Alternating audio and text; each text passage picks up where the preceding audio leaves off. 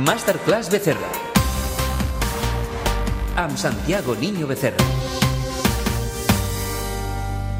Obrim una de les seccions que més ens agraden i que sabem que també agraden als oients i és saludar Santiago Niño Becerra. Bona nit. Què tal? Bona nit. Estàs content? Sí, refredat també, molt refredat, però bueno, bé, content sí. Fas bona cara. Escolta, fa uns dies ens impactava la notícia impactant. Uh, una notícia d'abast mundial feia fallida al tour operador gegant Thomas Cook. Gestionava milions de viatges turístics d'arreu del món i això ha, vingut, um, ha tingut un impacte brutal. Eh? Centenars de turistes que s'han quedat penjats a hotels amb impagaments, llocs com Mallorca que veuen perillar el seu futur immediat perquè Thomas Cook es portava molta gent. I ha seguit el dominó amb un altre tour, tour operador alemany, uh, en aquest cas Tour Vital. Això vol dir que notícies que ens confirmaves tu del teu llibre, Tercera fase, de la crisi que, que has predit i que, i que ja és aquí, que canvien molts models, com en el cas de turisme està canviant també molts models. Bueno, a veure, jo, jo del, del cas de, de Thomas Cook, jo crec que s'ha de fer una distinció. Per una banda estan els hotels, un, organitzacions, etc etc que la fallida de Thomas Cook els hi ha enganxat un deute. Mm, si eh, aquestes persones aquestes persones jurídiques no estan assegurades, patiran, patiran moltíssim. Es parla, per exemple, que només a Balears l'impacte pot ser de 200 milions d'euros.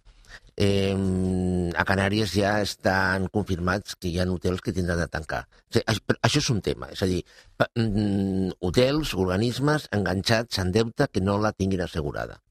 Però, per altra banda, eh, aquestes, mm, aquest, aquest raonament que s'estan fent de que si Thomas Cook l'any passat va portar a Espanya 3,6 milions de turistes, Espanya perdrà 3,6 milions de turistes, bueno, això no és veritat. Mm, per què? Perquè mm, si aquests milions de turistes volen continuar venint a Espanya utilitzant paquet, un paquet turístic, bueno, doncs algú algú els portarà. És a dir, el problema, el problema no és que hagi desaparegut Thomas Cook i això signifiqui la desaparició d'aquests turistes a Espanya. Algú els portarà. El que passa és que això planteja un altre problema, que s'està parlant menys d'això. Thomas Cook tenia una línia aèria pròpia i a part d'això tenia una sèrie d'acords amb unes altres línies aèries. La pregunta és, si la línia aèria de Thomas Cook fa fallida, mm, hi haurà eh, una oferta suficient per moure aquesta gent? Aquests turistes? La pregunta és aquesta. I, I, no, i, no I també l'altra la, pregunta és que està canviant el model turístic i que la gent viatja d'altres maneres i que es fa i es crea ells els propis viatges amb un, amb un tema molt clar que es diu internet, sí, però, que ha fet molt de sí, mal. però cuidado amb això. Mm, eh, aquí hi ha una diferenciació per edat. És a dir, mm, que una persona es busqui mm, per internet el viatge, mm. eh, bussejant, mirant l'oferta més barata i a l'hotel, etc etc. Això és amb una edat, fins un límit d'edat. Sempre t'ho pot fer el fill o la filla. Eh, sí. A la meva mare jo li he buscat coses, a la meva sogra també. Sí, però per a una persona gran, en principi, és molt més còmode eh, anar a una agència i que l'agència et resolgui el problema. Tu vas a agència? No, eh, a veure, depèn. De, depèn. Depèn.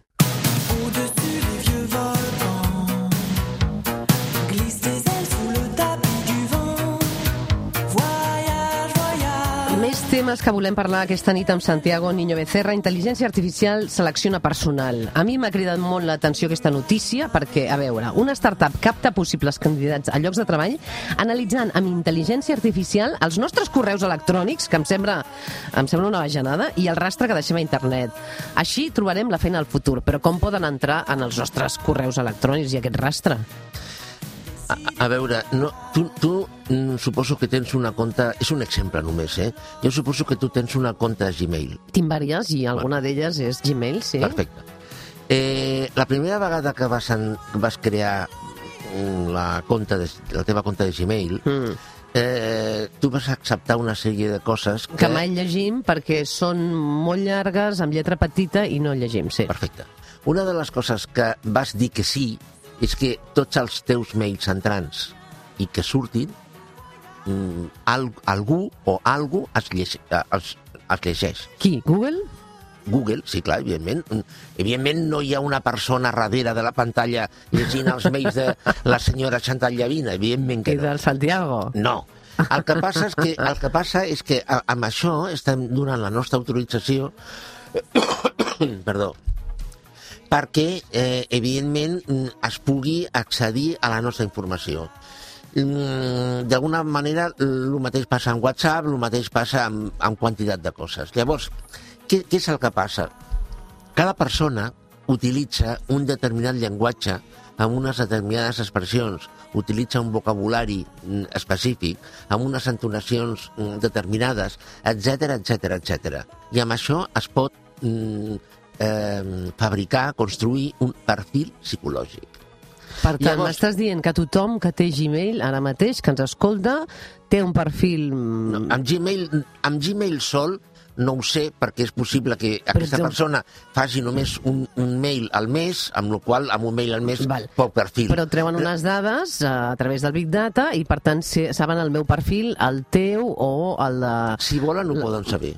Si volen, ho poden saber. I, evidentment, quan més informació, quan més activa... Vivim amb un gran germà, podem dir. Estem vigilats, Bueno, espiats en tot moment. A, això, com, com diu aquell, això ho ha dit vostè. Eh, és a dir, mm, perquè això és una teoria, de que mm, ja tenim Big Brother al carrer. Eh, és a dir, i, i que tot el que està passant a Xina del carnet per punts i Mm. el reconeixement facial, biomètric, etc etc, això és una prova per exportar-ho a, la, a, la resta, a la resta del món.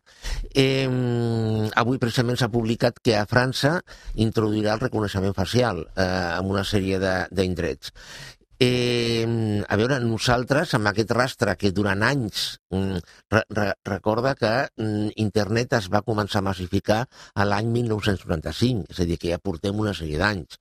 Amb tot aquest rastre que hem anat deixant durant tots aquests anys, i més si hem sigut molt actius a internet, es pot, es pot construir moltíssimes coses. O sigui Entre elles, un perfil psicològic. Doncs s'ha acabat l'entrevista personal a la feina dels caçatalents. S'ha acabat, llavors. Bueno, a veure, mm, a veure... Feia una, feia una ironia, eh, amb no, aquest no, tema. no, no, no, no, però cuidado, però cuidado, cuidado. És que, és que això té, té molta història. És a dir, no és el mateix, evidentment, trobar, eh, buscar i trobar una, una persona experta en comptabilitat per a una empresa automobilística amb una sucursal que, evidentment, trobar un cap de servei eh, per a un hospital de Canadà, que, que, que no, no és el mateix. Mhm. Eh, ll- llavors, mm, ara per ara, el, els headhunters, el caça, els caçatalents, els, encara els hi queden molt recorreguts, sincerament. Per cert, eh, també potser decidiran en un futur si pugen el sou o no, ho decidirà un, una base d'algoritmes que analitzin també la nostra productivitat, com ho poden analitzar tot, també fins i tot els algoritmes, la productivitat que tenim, i per tant decidiran si així o no ens pugen el sou.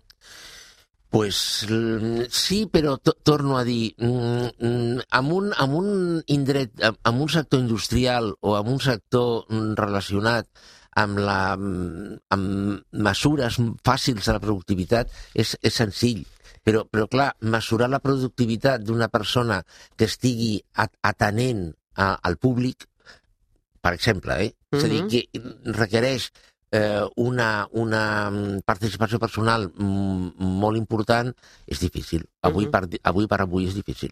Molt bé. Et deixo triar el segon, el tercer tema que parlarem. Què prefereixes, soldats robots o indemnització per acomiadament per ser substituïda per robot? Quin t'agrada més? Bueno, és que de fet, mm, de fet eh, el que tu vulguis. Perquè podem parlar dels dos, eh? Sí, Ràpidament. a, el, el que, com sempre anem malament de temps, a comentar el dels soldats. Es diu que la guerra del futur o la faran drons sense pilots o també soldats robots. Però el problema no és que els robots es matin entre ells, sinó que mm, decideixin matar civils. No ens preocupem, ens preocupem, no? I aquesta notícia, tu dius que són les que et fan pensar i a quina conclusió et porten com a ésser humà que sempre penses i medites i reflexiones tot el que passa. Bueno, pe- pe- perdona, però és que no cal arribar als soldats robots. Eh, pens- pensa en el cotxe autònom. Pe- Pensa aquesta situació. Mm, tu vas amb un cotxe autònom. Sí, però trigaran a venir els cotxes No, autònoms. no, no, Això ho hem no, dit sempre. no, no, sí. no, no, no, que no, que no, Que no els que- tindrà tothom, Santiago. Bueno, però és no, igual, és el- impossible és igual, encara. Els, que- els que els trigaran, tinguin, trigaran. Els que no, que no, el- i els que els tinguin, i els autobusos. els Autobusos sí, i els, però i els, cotxes i els autònoms, camions autònoms, trigarem a i els camions autònoms, mm, això està d'aquí res. Bé, un camió autònom, no diguem un cotxe, un camió autònom. Eh, el sistema analitza i arriba a la conclusió que s'ha d'estavellar contra, una, mm, contra un nen de 5 anys o contra una senyora de 35. Decidirà la màquina. No cal un, un soldat robot. I clar, sempre direm que millor una persona més gran, no? Que... No ho sé, però igual aquesta persona gran resulta que és Premi Nobel. I què? Ah, Mm, home, i- però i- salvarem abans un infant? Mm, Santiago? no, de que no- 4 anys? És que, és que no ho sé, depèn. Di, Home. depèn aquesta, aqu Home. i- igual aquesta A tu- tu què senyora... faries en igual, sentit? No, és que no ho sé. Mm, De, igual aquesta senyora està treballant amb el desenvolupament d'una proteïna nova que salvarà milers de vides. Però això la màquina ho sabrà. O sí, No. perquè... Com vols que ho sàpiga? Sí, perquè analitzarà tot el, tot el rastre que aquesta persona ha deixat per internet. En un segon no dona temps d'analitzar tot mi- això. En bilionèsimes de segon. Ai, quins dilemes, eh? La... Perquè és que la indústria d'armament, eh, això de deies dels cotxes, eh? o la indústria d'armament és de les més poderoses del món i, i continuarà sent-ho eh, sense, amb robots o sense, no? Però estàs d'acord amb la teoria que diu que quan hi ha una crisi planetària finalment es genera una gran guerra que provoca milions de morts i fa revifar les indústries? A mi em sembla una mica agosarada aquesta frase. Eh, a veure, fins ara això ha sigut veritat. És a dir, analitza, per exemple, la Segona Guerra Mundial, la Primera, és a dir, la, la Guerra Franco-Prussiana, és a dir, totes les guerres napoleòniques. Eh, això fins ara ha sigut veritat. Ara és impossible que sigui veritat. Impossible.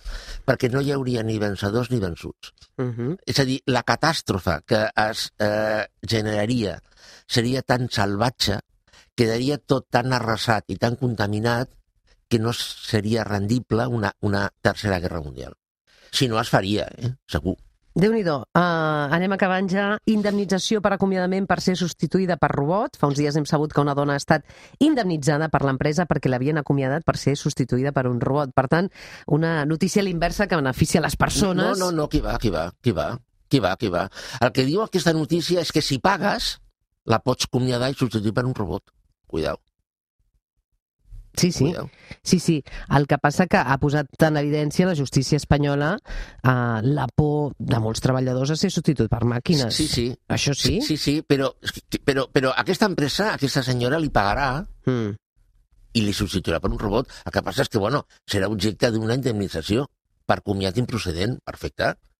Però és a dir, el Ah, aquí, missatge... a, a la notícia en diu aquí que el grup també podrà, mm, Sí. haurà de readmetre No, no, a no. l'afectada. No, però Aquí- si... aquí deia que sí, eh? Però si és per... De, si, si decideix... Si, de, si, és a dir, si al, al, al, al final uh, s'arriba que sigui un comiat improcedent, és a dir, paga i al carrer... Al carrer o a tornar, eh? Perquè quedava els dubtes, segons eh, llegia aquesta Però és que, notícia, però és que una, el, el la podria readmetre. Sí que Eh. hi havia una indemnització a part. No, però escolta'm una cosa, Chantal, una empresa, si paga, pot comiadar qui vulgui. Sí, això sí. Això sí, però bé, en aquest cas la, la justícia ha estat a favor de l'ésser humà davant de, del, del tema del robot. Jo no ho veig així. Clar, jo- jo- avui jo- estem discutint molt, eh, Santiago? Avui estem discutint Bueno, molt. està tu i bé, això està bé. Això, això està bé. Escolta, bé, el que ens quedem amb la notícia és que de moment la dona ha estat indemnitzada per l'empresa perquè l'havien acomiadat per ser substituïda per un robot i que, per tant, els robots no ens trauran tant la feina Mm. i aquí hi ha indemnitzacions pel mig si això passa. Perfecte. Seguirem parlant d'això. Hem d'acabar, com sempre, un plaer al nostre estimat Santiago Niño Becerra que visiti el Revolució 4.0. Molt bé, bona nit.